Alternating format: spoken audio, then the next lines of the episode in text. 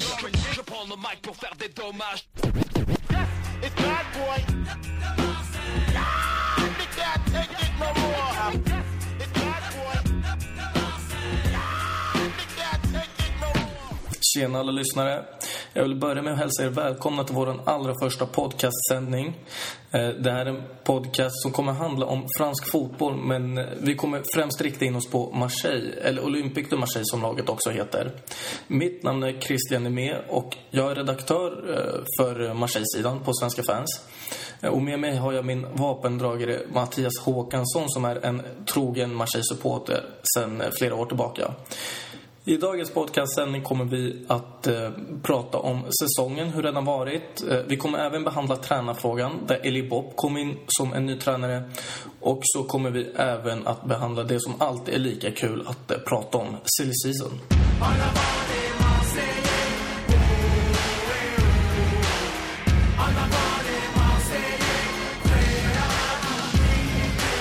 Tjenare Matte. Eller Mattias kanske vi ska kalla dig.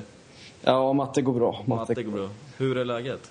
Jo, då, det är lugnt. Det är lugnt. Fredag och helg på G, så ja, man kan inte klaga. Nej, det är vår första podcastsändning. Hur känns det? Ja, det känns bra. Det, vi har snackat om det här länge och att äntligen få dra igång det. Det, det kommer bli kul, känner jag. Och hoppas att vi kommer kunna släppa avsnitt med jämna mellanrum nu också framöver. Mm. Eh, Marseille hamnade på en andra plats Eh, till slut. Vi hade många toppar och dalar och det är som vanligt alltså. Marseille spel, har spelat som vanligt, berg och dalbana. Ja, jo, det är ju, sällan lugna stunder, men eh, förvånansvärt stabila eh, poängmässigt, resultatmässigt. Sen så är ju spelet hackat till och från, men det var en riktigt stark säsongsinledning. På slutet, även när vi inte spelade bra, så fick vi med oss tre poäng. Och, ja, det, man har haft en ganska positiv känsla ändå genom hela, eh, hela säsongen. Man har ju vunnit trots att inte spelet har stämt som du nämnde där. Alltså vi har ju tagit de här segrarna som man behöver ta för att hamna så pass högt upp i tabellen. Om vi ser till förra säsongen, då gjorde vi inte det. Utan då blev det så här. eh, Vi släppte in mål, onödiga mål. eh, Det var mål i slutminuterna. Mm. Men försvaret har ju ändå varit lite halvt så här knackigt i år också. Eller den här säsongen. Helt Eh, klart. Men, Det, kän, ja. det känns lite som att eh, förra säs- eller i början på säsongen så var det Nkulu som eh, verkligen tog för sig och spelade en riktigt, riktigt bra fotboll. Det var ju då han kopplades, eller började kopplades samman med Barcelona och liknande. Och han, han visade upp sig från sin bästa sida i början på säsongen. Nu, andra halvan av säsongen, så känns det som eh, Mandanda har varit den stora stjärnan där bak. Och, Eh, sen så har ju backlinjen överlag hållit en ganska jämn och, och bra nivå men det har varit lite... Ja, Nankolo lyste starkast under, under eh, hösten och Mandanda nu under våren. Det känns som att det är de som har stadgat upp defensiven allra bäst. Så det är de liksom som i alla fall har räddat oss från att eh, råka ut för de här, vad ska vi säga, så snöpliga förlusterna eller snöpliga oavgjorda resultaten mot bottenlagen. Ja, jag skulle ändå säga det. Det känns som att sett om man jämför med fjolåret så har det vänt eh, på steken. Och nu är det vi som tar de här sena vinsterna och gör mål i slutminuterna istället för att släppa in mål bakåt. Men visst kan det vara så att Nkolos form och även Mandandas form nu i slutet av säsongen, de har ju även lyft upp hela försvaret i sig som ett kollektiv. För tänk på Morell, till exempel om vi tar han som spelare. Han var minst sagt katastrofal förra säsongen. Den här säsongen har han väl ändå skött sig hyfsat, eller helt okej. Absolut. Eh, och sen har vi ju Fanny i och för sig som har varit, han själv har ju varit i hög form. Ja, ja fan i, alltså om man ska lyfta fram en, en särskild spelare för säsongen så det är lätt att se på poängspelarna som Chinchak och, och Balbuena men jag tycker ändå att Fanny har gjort en riktigt bra eh, säsong genom hela året faktiskt. Och eh, den här förlusten av Aspilicueta som vi hade inför säsongen har inte alls blivit så kännbar som man ändå trodde att den skulle bli på förhand. Eh, och det har ju ändå det har ändå blivit tydligt med tanke på att Fanny nu blivit eh, uppkallad till landslaget vid något tillfällen och eh, fått belöning för sin goda form. Det är ju skönt att spelare vet att när de väl spelar bra så kan de bli uppkallade till eh, det franska landslaget. Eh, Så det är, ju, det, det är en belöning liksom. Man har spelat bra den säsongen. Mm, det känns lite som att eh, det är ett lyft för franska ligan också när tränarna tar upp inhemska spelare i landslaget. Och det visar att spelarna kan stanna kvar längre hemma i, i Frankrike och fortfarande nå sin fulla potential. Än att de känner att de behöver gå till någon mittenklubb i, i Premier League för att förbundskaptenen ska titta åt deras håll. Om vi ser lite på eh, resultat, eller tabellen, sluttabellen. Vi hamnade ju tvåa som innebär en direkt Champions League-plats då. Eh, Vi hade ju hela tiden Lyon och sånt igen och sen Nice också, eh, liksom hack i häl. Samtidigt som man i Marseille försökte liksom, eller ja, försökte, försökte, men man gjorde någonting för att komma ifatt PSG i alla fall, ett tag.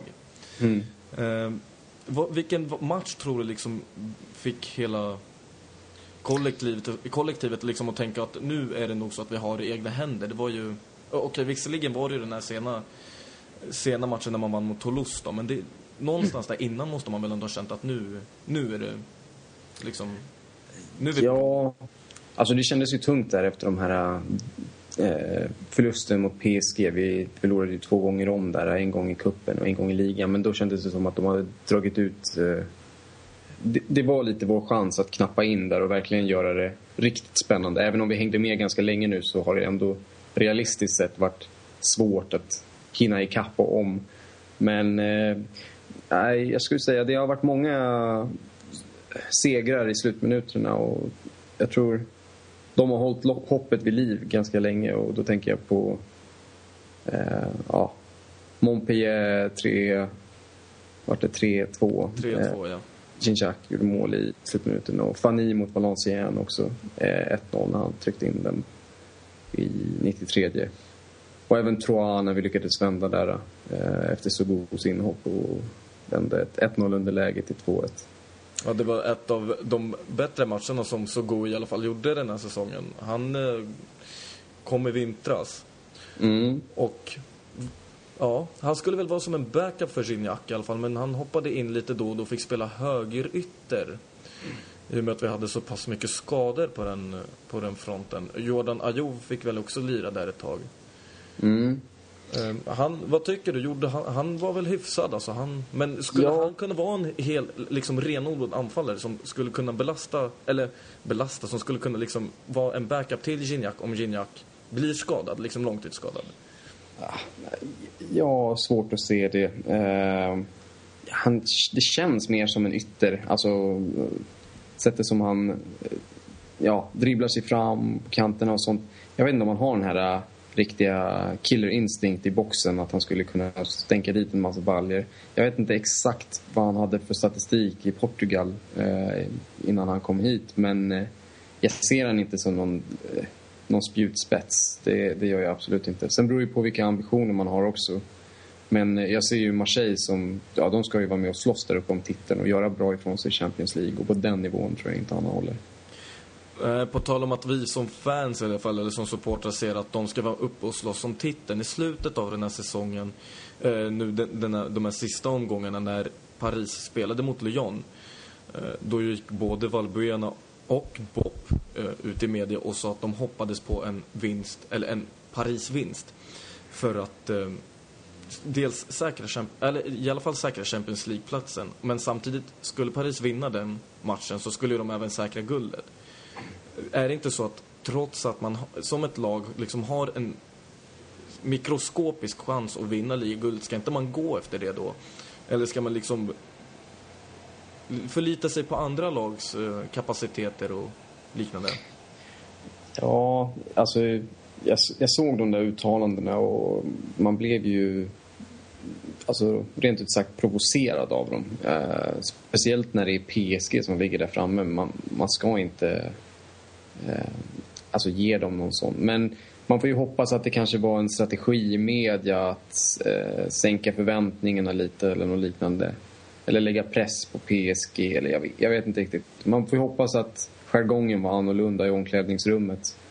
Eh, Men eh, visst, eh, som supporter så retar man sig på de här uttalanden och man vill ju att det ska gå så, så bra som möjligt. Inte, det var inte i det läget att vi behövde förlita oss på andra resultat för tredjeplatsen. Eller förlåt, för eh, andra platsen om man säger så. Mm. Vi låg redan före Lyon så jag känner att eh, där skulle de bara fokusera på att göra, göra sin grej, vinna varje match och, istället för att gå ut och uttala sig om att PSG ska vinna. Mm. Nej, jag, jag håller med om det fullständigt. Jag blev också provocerad. Alltså, det, det känns ju så här... Ett lag ska ju gå för fullt liksom varje gång man lirar. Sen om det handlar om att liksom ta en direkt Champions League- Champions League-plats eller inte, det ska ju egentligen inte spela någon roll. Och vi hade ett enkelt spelschema i slutet. Visserligen hade vi sånt ett igen där, där vi till och med förlorade, men efter det hade vi rem. Mm. Och där lyckades man inte ens vinna matchen, men det kan ju vara för att man redan var klar för Champions League. Eh, hur som helst så slutade i alla fall Marseille 2. Det, eh, över förväntningarna kan man säga. Eller vad hade du för förväntningar inför säsongen? Ja, sett till eh, fjolåret eh, då ja, hela säsongen var ett fiasko får man ändå säga. Och eh, de spelarförsäljningar som vi gjorde inför den här säsongen Biao och Aspilicueta, Diarra så var det naturligtvis så att man hade låga förväntningar. Eh, sen var ju frågan hur låga. Jag hoppades väl ändå på en Europaplats, eh, Europa League. Men eh, det fanns inte riktigt på kartan. Eh, om jag skulle vara realistisk att vi skulle ta en Champions League-plats. Så eh, det har helt klart överträffat de förväntningar som jag hade inför säsongen. Ja, till skillnad från mig var du faktiskt optimistisk om du hoppades på en Europa League-plats. Jag hoppades vi skulle komma runt en 8-9, alltså inte över än så. Vi, för truppen såg riktigt, riktigt tunn ut fram tills eh, vinterfönstret här. Eh, eller vinter season. Eh, och då kom ju Fouad Kadir in och så lyckades man även få in eh, Modo Sogo då. Mm. Och sen, Sam, samtidigt var det ju då vi släppte Remy också, så jag menar det, det kändes lite som att ja, det vägde upp där någonstans. Det, eller blandar jag ihop nu? Gick han i slutet på sommaren? Remy, nej, han gick i vintras. Han, han gick i vintras. Ja. Han gick i vintras. Så ja, det känns som... eh, Ja, jag skulle säga att vår, vår trupp har väl ändå varit någonstans jämnt stark. Sen så var ju Remy väldigt skadebenägen så man använde sig inte så mycket av honom under, under höst, eh, hösten. Men eh, Han briljerade verkligen förra säsongen i alla fall. Eller briljerade och briljerade, han gjorde ju det han skulle i alla fall. Eh, sen hade vi ju en annan spelare som briljerade, om vi ska snacka om gamla spelare, Brandao.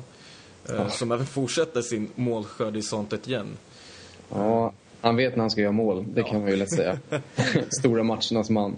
Nej. Han eh, gjorde väl mål i Coupe de- la Ligue nu också för sånt igen, gjorde han inte det? Ja, han gjorde väl finalen där. Ja.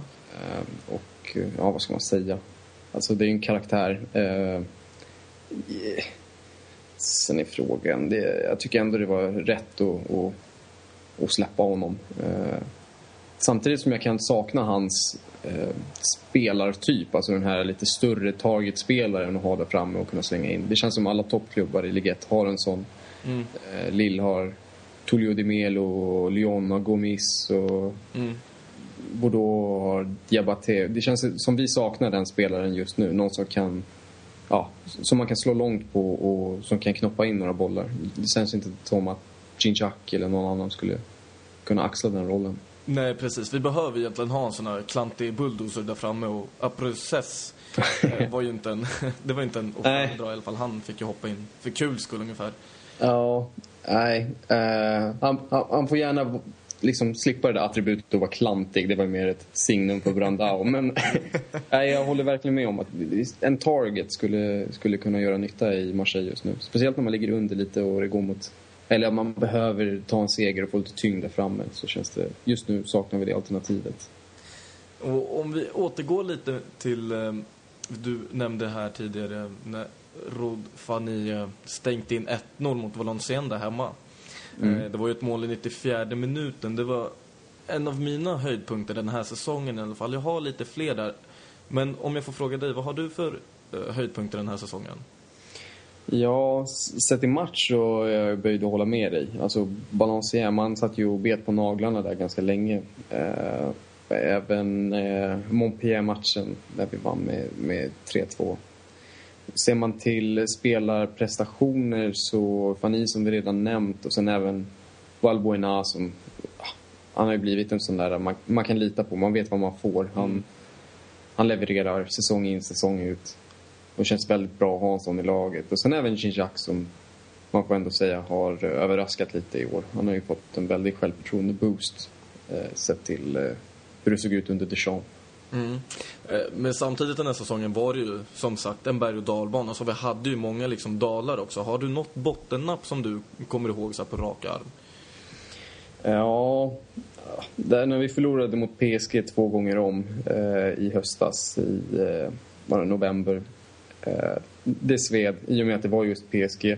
Även fast de, är, de har andra ekonomiska muskler och, och de har högre ambitioner kanske så känns det som att i och med att det är ärkerivaler, man ska inte förlora två gånger inom loppet av en vecka med 2-0 mot PSG. Det, det, det, ska inte hända. Nej. Eh, sen så var det ju även de här uh, riktiga, vad ska man säga, katastroferna mot Lyon och Valenciennes där man fick stryk i med 4-1 i båda de matcherna.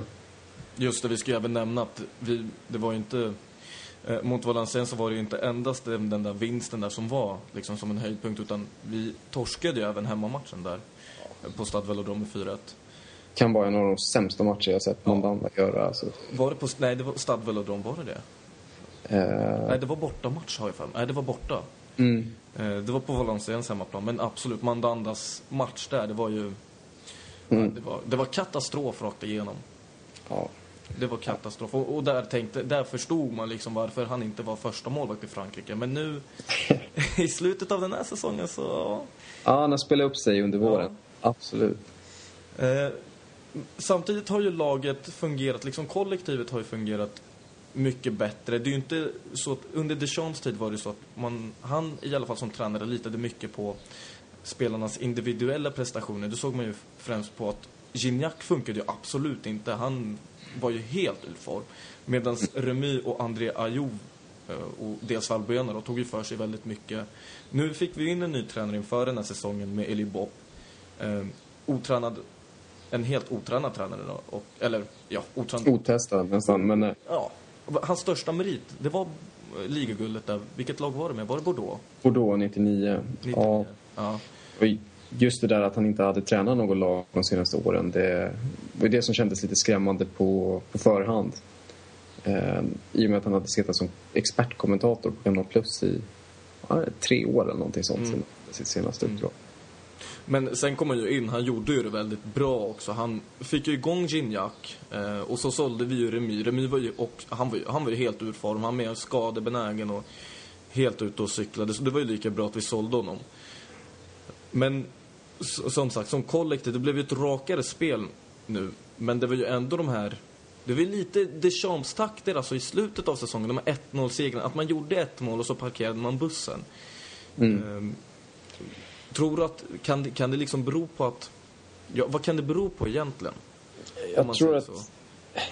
det främsta som han lyckades bidra med som Deschamps misslyckades med och framförallt sista året var nog eh, att få trupper att dra åt samma håll. Det känns som eh, det, fanns lite mer interna stridigheter under Deschamps och eh, med Bob så fick de in en, en kille som eh, satsade på kollektivet istället för individuella prestationer och eh, ja, det fick laget att spela mer för varandra och de här sena vinsterna det känns ändå någonstans som resultatet av ett gediget lagspel och aldrig sluta tro på att man kan vinna och vända matcher.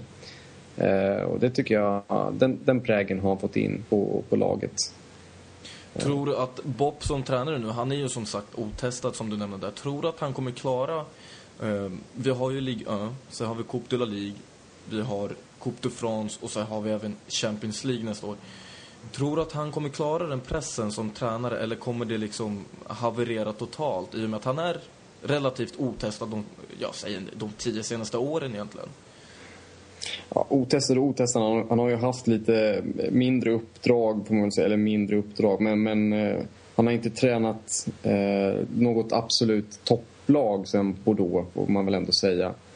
Och eh, det är frågan. När han vann ligan med Bordeaux där 99 så slogs de ju ut ur båda de inhemska kupperna tidigt. Eh, och på Champions League-spelet där sen så lyckades de väl komma fyra året efter de vann. Eh, så det är frågan hur, hur, eh, hur han väljer att matcha laget, om han är för att rotera mycket bland spelarna och hur väl han klarar av det eller om han kommer att bara helt bortprioritera de inhemska kupperna exempelvis eh, Mm.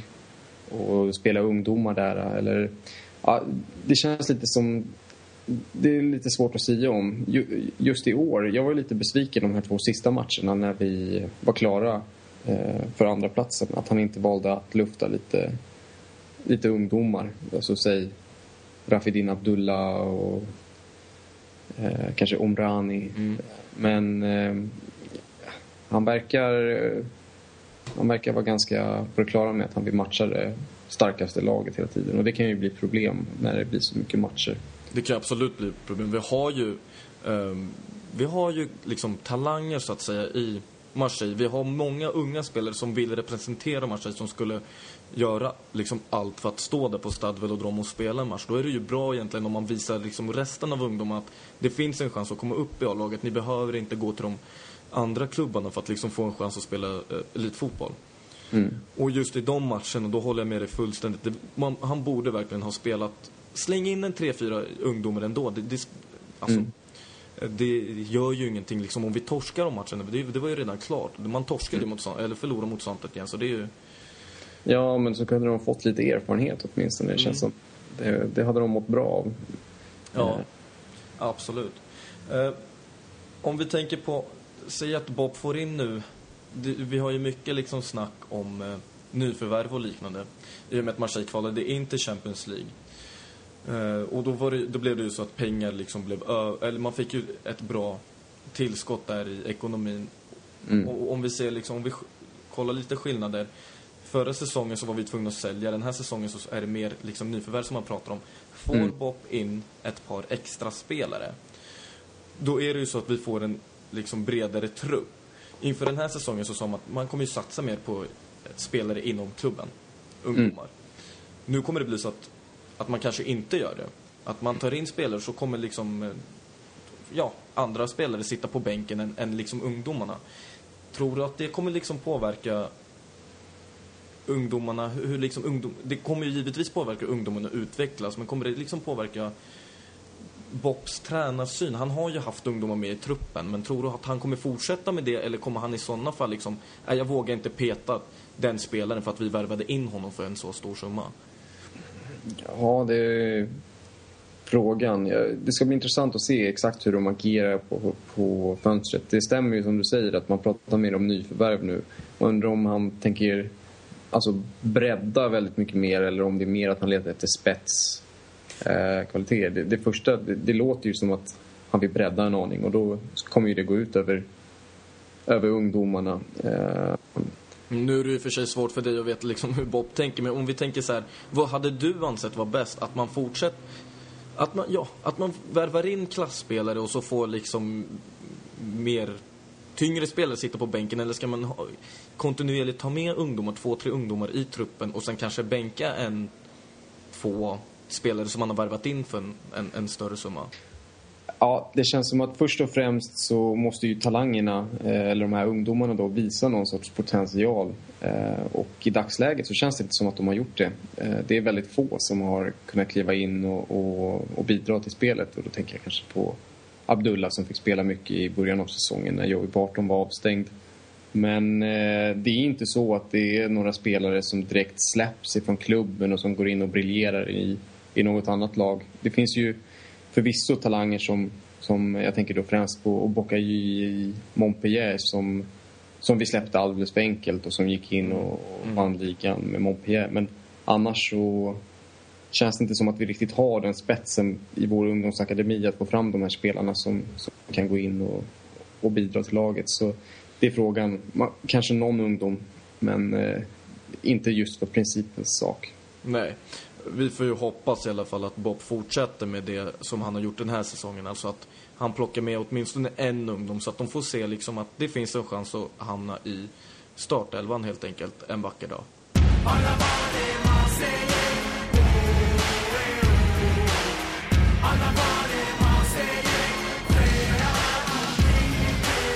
Då har vi sommaren som närmar sig här då och, eh, eller i Stockholm har vi redan fått sommar. Vi har väldigt bra väder här idag. Vi har 24 grader och inte ett moln på himmelen. Men i och med att sommaren närmar sig, eller redan är här, så som ni själva vill, eh, så har vi silly season på agendan. Eh, Marseille ska som sagt värva in betydligt mycket mer än vad man gjorde förra sommaren då man eh, var tvungna att sälja spelare för att man helt enkelt inte hade råd att behålla dem och att ekonomin var helt körd i botten. Nu har Marseille kvalat sig till Champions League vilket gör att eh, Marseille helt enkelt får pengar att värva för och man har sagt att man ska värva för 25 miljoner euro i alla fall. Eh, och det är lite... Ja, det finns vissa positioner som Marseille bör förstärka. Vad tycker du, Motte? Vilka positioner är det som liksom är mest utsatta, så att säga? Eller vilka positioner vi mest behöver förstärka? Ja, eh, det beror lite på om vi får några spela förluster. Men om man ser till att vi får ha kvar de eh, nyckelspelare som vi har så känner jag väl att eh, vi skulle behöva förstärka på försvarsfronten. Jag skulle vilja se en eh, vänsterback att eh, backa upp Morell med. Eh, Lucas Mendes var väl inköpt som vänsterback men eh, det känns som han har gjort så bra i mitten så Mm. det är frågan om man vill flytta ut honom där. Om inte annat så eh, ja, en mittback också. Eller antingen en mittback, köra Lucas Mendes då som backup och vänsterback. Han har bevisat tydligen att han kan klara av båda två. Eh, Men sen så skulle jag också, jag är i mittfältsfrågan. Vi får ju se hur det löser sig med Barton. Men eh, jag skulle vilja se en föryngring också på det centrala mittfältet. Eh, Få in nå- någon med lite potential. Har du någon speciell spelare där? Om man kollar lite Marseille-forumet så är det mycket som handlar om Imbola få- från Guingamp, Mm. Guingamp eh, i Ligue 2. Har du någon mer uppfattning om honom? Är det någon spelare som kan eh, hoppa in där i mittfältet? Ja, jag tror han skulle kunna... Man pratar ju mycket om inskolning och sånt. Alltså när man kommer... Nu har han dominerat Ligue får man väl ändå säga. Eh, så...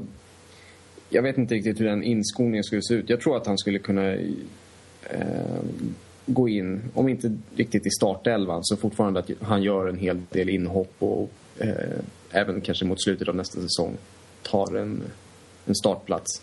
Men jag tror absolut att han skulle kunna ha en, en eh, han skulle kunna stå för en kvalitetshöjning, om inte nästa år så i varje fall året därpå på det centrala mittfältet. Och det känns som en, en eh, spelare som gärna går framåt. Eh, han har ett bra driv, eh, bra teknik, funktionell teknik. Eh, och eh, känns som en box-to-box-spelare. Han, han löper otroligt mycket på planen. Och det känns lite som det, det vi behöver. Eh, sen är ju frågan eh, vad Bopp är ute efter på sitt centrala mittfält. Nu har vi ju Valbuena strax framför som står för det mesta utav kreativiteten. Uh, han har ju valt dels att köra med Barton Romao uh, eh, den här säsongen som varit. Och uh, det kanske inte är de mest kreativa spelarna alltid. Eh, sen så Cheirou har ju också spelat där och han kanske är lite mer den som slår eh, fina crossbollar och sånt lite längre ner i planen. Men eh, ja, det beror på lite vad han är ute efter. Men jag tror absolut att Imbola skulle vara en, en bra värvning på Marseille. Imbolas prislapp sägs just nu ligga kring en 9-10 miljoner euro. Eh, Tror du att det skulle vara en, bra, en spelare, liksom, ska vi värva in en spelare för 9-10 miljoner euro? Är inte det då en spelare som liksom ska gå rakt in i startelvan? Eller är det en spelare, ty, tycker du att man ska värva in en för 9-10 miljoner och så ska man utveckla den spelaren och kanske låna ut honom till en annan klubb? Han kanske inte ens utvecklar till det man hoppas på att han blir. Jag, jag tror han skulle vara så pass bra att han, han skulle inte behöva eh, lånas ut. Jag tror, eh, alltså jag tror han skulle kunna... Han skulle nog kunna gå in från start. Det beror lite på som sagt vad som händer med Barton men eh, han skulle ju lätt spela lika mycket som Cheirou nästkommande säsong bredvid i sådana fall eh, Romao på det centrala mittfältet. Ehm, Men som sagt, jag tror inte att man ska värva talanger så att säga för, för de summorna om man inte är ganska säker på att de kommer ta ytterligare kliv i, eh, i sin utveckling. De har inte riktigt de ekonomiska musklerna att man kan ta sådana chansningar som kanske... Nej, men om vi gör så att vi stannar kvar i alla fall på det centrala, eh, eller defensiva mittfältet. Eh, På tal om Barton. Är det en spelare som du vill... Han har ju en hög lön. Men han har sagt att eh, han kan gå ner i lön om han får stanna i Marseille. Dessutom skulle QPR förmodligen släppa honom kostnadsfritt. Nu har jag inte jättekoll på det där. Men tycker du att det är en spelare som vi liksom skulle kunna ha, eller räcker det inte med... Säg om vi, säg, nu leker vi med tanken att vi värvar Imbula. Då tycker i alla fall jag personligen att det skulle räcka med Imbula, Cheiro och så har vi ju Romao där också. Och så har vi Cheiro som en utfyllnadsspelare, för Romao har ju skött sig bra. Eh, Barton och Cheiro har ju varit, båda två har ju varit liksom upp och ner. Eh, Vad tycker du att, liksom ska Barton stanna kvar eller ska man... Ja, alltså tycker du att han ska vara kvar helt enkelt i Marseille eller ska han gå och åka tillbaka eller? Ja, som sagt, det känns lite som att det hänger på prislappen. Ehm, och sen så lite också hans inställning eh, till vad han ser sig ha för roll i laget. Om han ser sig som ohotad startspelare i elvan så fort han är frisk så kanske inte det är helt realistiskt. Eh, han är en bra spelare, visst, men att han Så bra är han inte. Nej, alltså han kommer fortfarande få kämpa för sin plats alltså. Och Ja. eh, jag menar om, om humöret tryter och han sitter på bänken så vet vi ju vad han- den killen är kapabel till. Eh, och eh, jag vet inte, det är lite chansning. Samtidigt så gillar man ju ändå hans eh, ständiga kärleksförklaringar till klubben och han, han känner verkligen att klubben har gett honom chansen när de andra eh, sket i honom och eh, han eh, han eh, har- har gjorts lite till en, en Marseille-profil redan i, efter att bara ha varit där i ett år. Och han ger en hel del eh, medialt intresse också. Jag tror fan. Läser du om, om fransk fotboll på Aftonbladet så efter Zlatan och PSG så är det Joey Bartons Ja. Twitter som är mest eh, citerad i Utan pressen. tvekan. Utan tvekan. De skriver ju inte någonting annat så om det inte vore skandal, eller som om de andra Nej. klubbarna.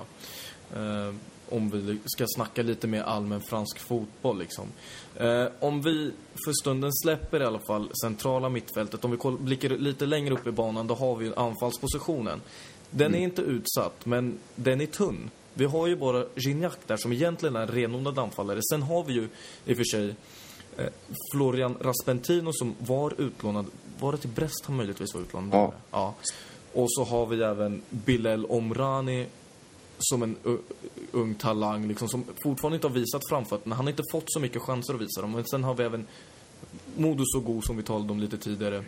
Eh, som, Och Jordan. Ja, och precis. Och så har vi Jordan Ayoub där, eh, lillebron. Tycker du att... Personen tycker jag att det är en plats, vi behöver liksom en till klassspelare bakom Gignac. Det var ju perfekt när vi hade Gignac och Remy. Visserligen var det inte så att någon av dem skulle sitta på bänken, båda var ju egentligen startspelare. I alla fall det Gignac har visat upp hittills. Men det känns ändå, på något sätt känns det lite tunt alltså bakom Gignac. Mm. Nej, men det förstår jag. Eller det håller jag med om. Eh, jag ser ju inte så god som anfallare, även om man kanske klassas som det. Eh, med anfallare menar jag då den centrala rollen där framme. Eh, nu har ju inte han... Jag har inte sett honom som, som eh, central anfallare. Han har inte riktigt fått ikläda sig den rollen i Marseille. Men jag har svårt att se det. Eh, och sen så som sagt, Raspentino och Omrani är inte tillräckligt bra eh, för att ha den rollen i Marseille. Och då lämnar vi, med Ginjac och, och eh, Jordan.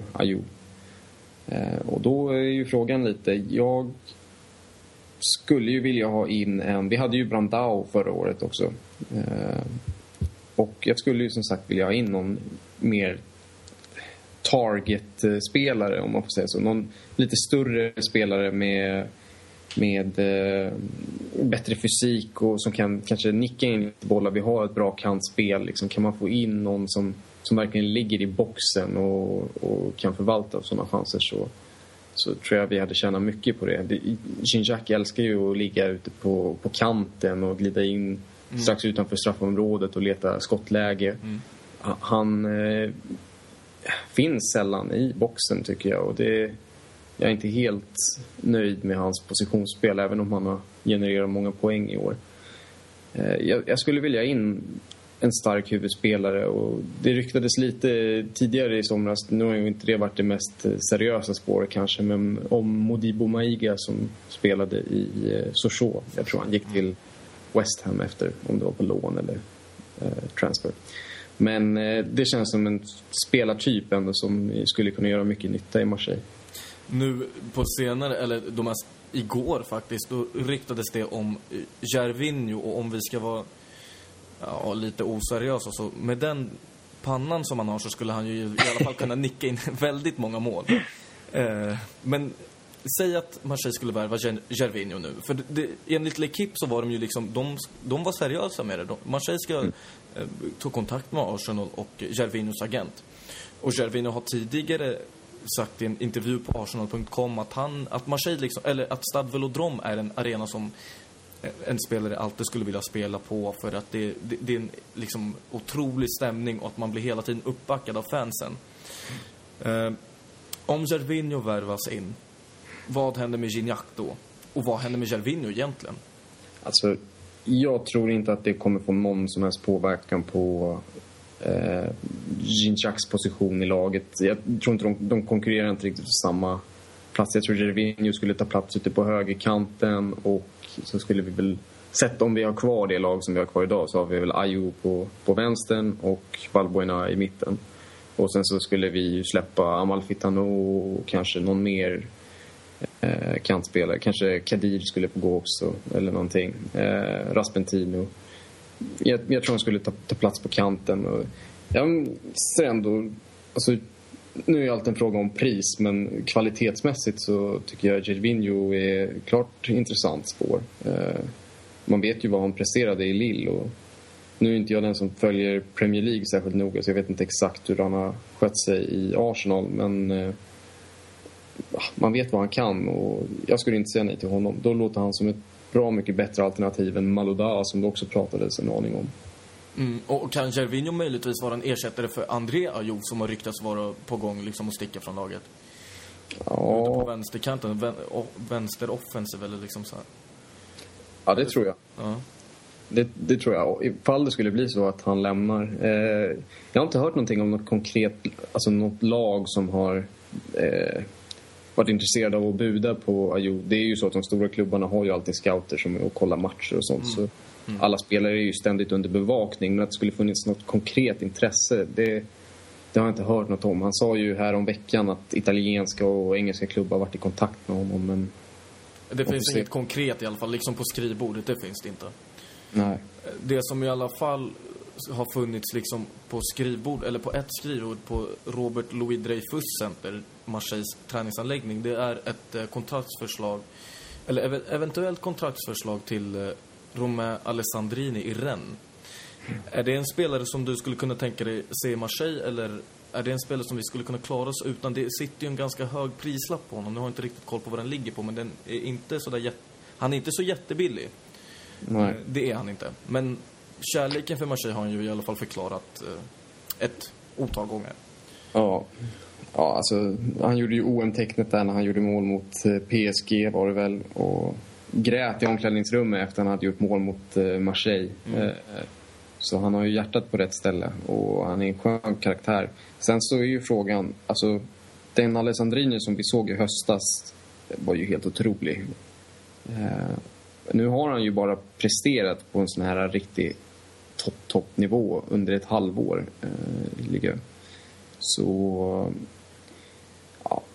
och sen så nu har han ju råkat ut för en allvarlig skada dessutom. Men, men skulle han komma tillbaka till den formen så är det absolut, då är det ingenting att orda om. Och då skulle man kunna betala en högre prislapp också. Men nu känns det lite mer osäkert och ja, det, det får ju läkarna och, och coacherna avgöra. De, de borde ha lite, lite större insikt där. Men eh, man ska vara säker på sin sak om man värvar någon. Och det känns som att han eh, skulle behöva prestera kanske över lite längre tid. Eh, vi, får, vi kan ju i alla fall hoppas på att prislappen sjunker på honom i och med Absolut. Han är, det är ju lång, vad var det, en knäskada förmodligen? Det var ja. en långtidsskada. Absolut, vi får ju hoppas att ja, Alessandrini i alla fall eh, sig helt enkelt. Och sen om han hamnar i Marseille eller om han stannar i de eh, röd, i det rödsvarta ren, det, är, det får vi helt enkelt se fram till augusti. Skulle ni som lyssnare ha några synpunkter på vilka spelare ni vill ha, om ni vill se Imbola på mittfältet istället för Barton eller om eh, ni vill att eh, Zlatan kommer till Marseille, vad som helst, så kan ni jättegärna diskutera det och kommentera på våran, eh, i vårt forum på svenskafans.com eh, och sen Marseille-sidan där under Europadelen. Eller så kan ni även besöka vår Facebook-sida som är eh, facebook.com och sen slash omsweden.